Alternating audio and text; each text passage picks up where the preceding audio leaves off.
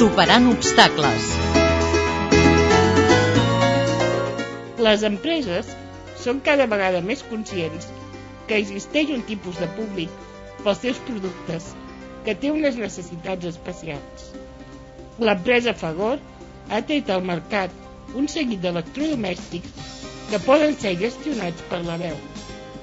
Ens ho explica Edor Mendieta, responsable de marketing El control de sistemas mediante la voz siempre ha sido una inquietud que yo creo que todo el mundo ha tenido, ¿no? A nivel tecnológico, por la conciencia de que puede ser la herramienta más fácil de utilizar pues para una inmensa mayoría de, la gente, porque es algo que todo el mundo, salvo algún problema eh, fisiológico grave, pues todo el mundo puede hacer y que no requiere aprendizaje, así como pues otra serie de, de interfaces de usuario si lo requieren. La creació es diu Mayor Botche.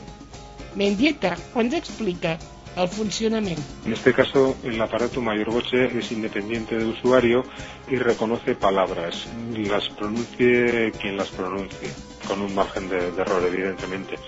Entonces, para reconocer palabras debemos basarnos en unos softwares que estén desarrollados para un idioma en concreto. Y en este momento, pues los hay para español, los hay para inglés, eh, básicamente. Con lo cual, otra serie de idiomas, como puede ser el catalán, o puede ser el vasco, o podría ser el gallego, o cualquier otro idioma, alemán, francés, etcétera, pues pueden tener problemas. La financiació per potenciar la investigació a les empreses és bàsica per aconseguir productes que cobreixin les necessitats concretes de la societat.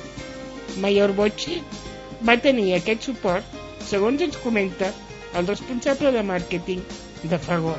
Este producto pues nace de, de unos proyectos de, de I+D que sí han tenido financiación pública. Eh, por ejemplo, pues eh, Mayor Boche nace de un proyecto que nosotros, que tuvo una denominación interna, se llamaba Genio, que era un proyecto en el que participaba Favor Electrodomésticos junto con Telvent y eh, la Universidad del País Vasco e Icarlan, que es un centro de investigación perteneciente a la Corporación Mondragón. Segons Bendieta, però, caldria un suport més important a nivell d'administracions públiques que més destinats als usuaris i a la possibilitat de poder adquirir aquests productes especials que tenen un cost més important per la inversión que cal en investigación. De cara a trasladar los productos al mercado, pues en estos momentos es todavía donde podría faltar cierta ayuda, ¿no? Yo entiendo en modo de tal vez subvenciones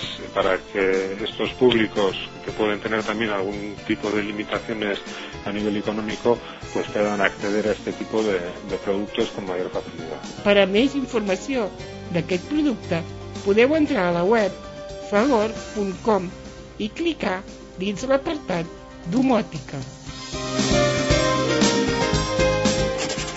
Montse Pous, periodista.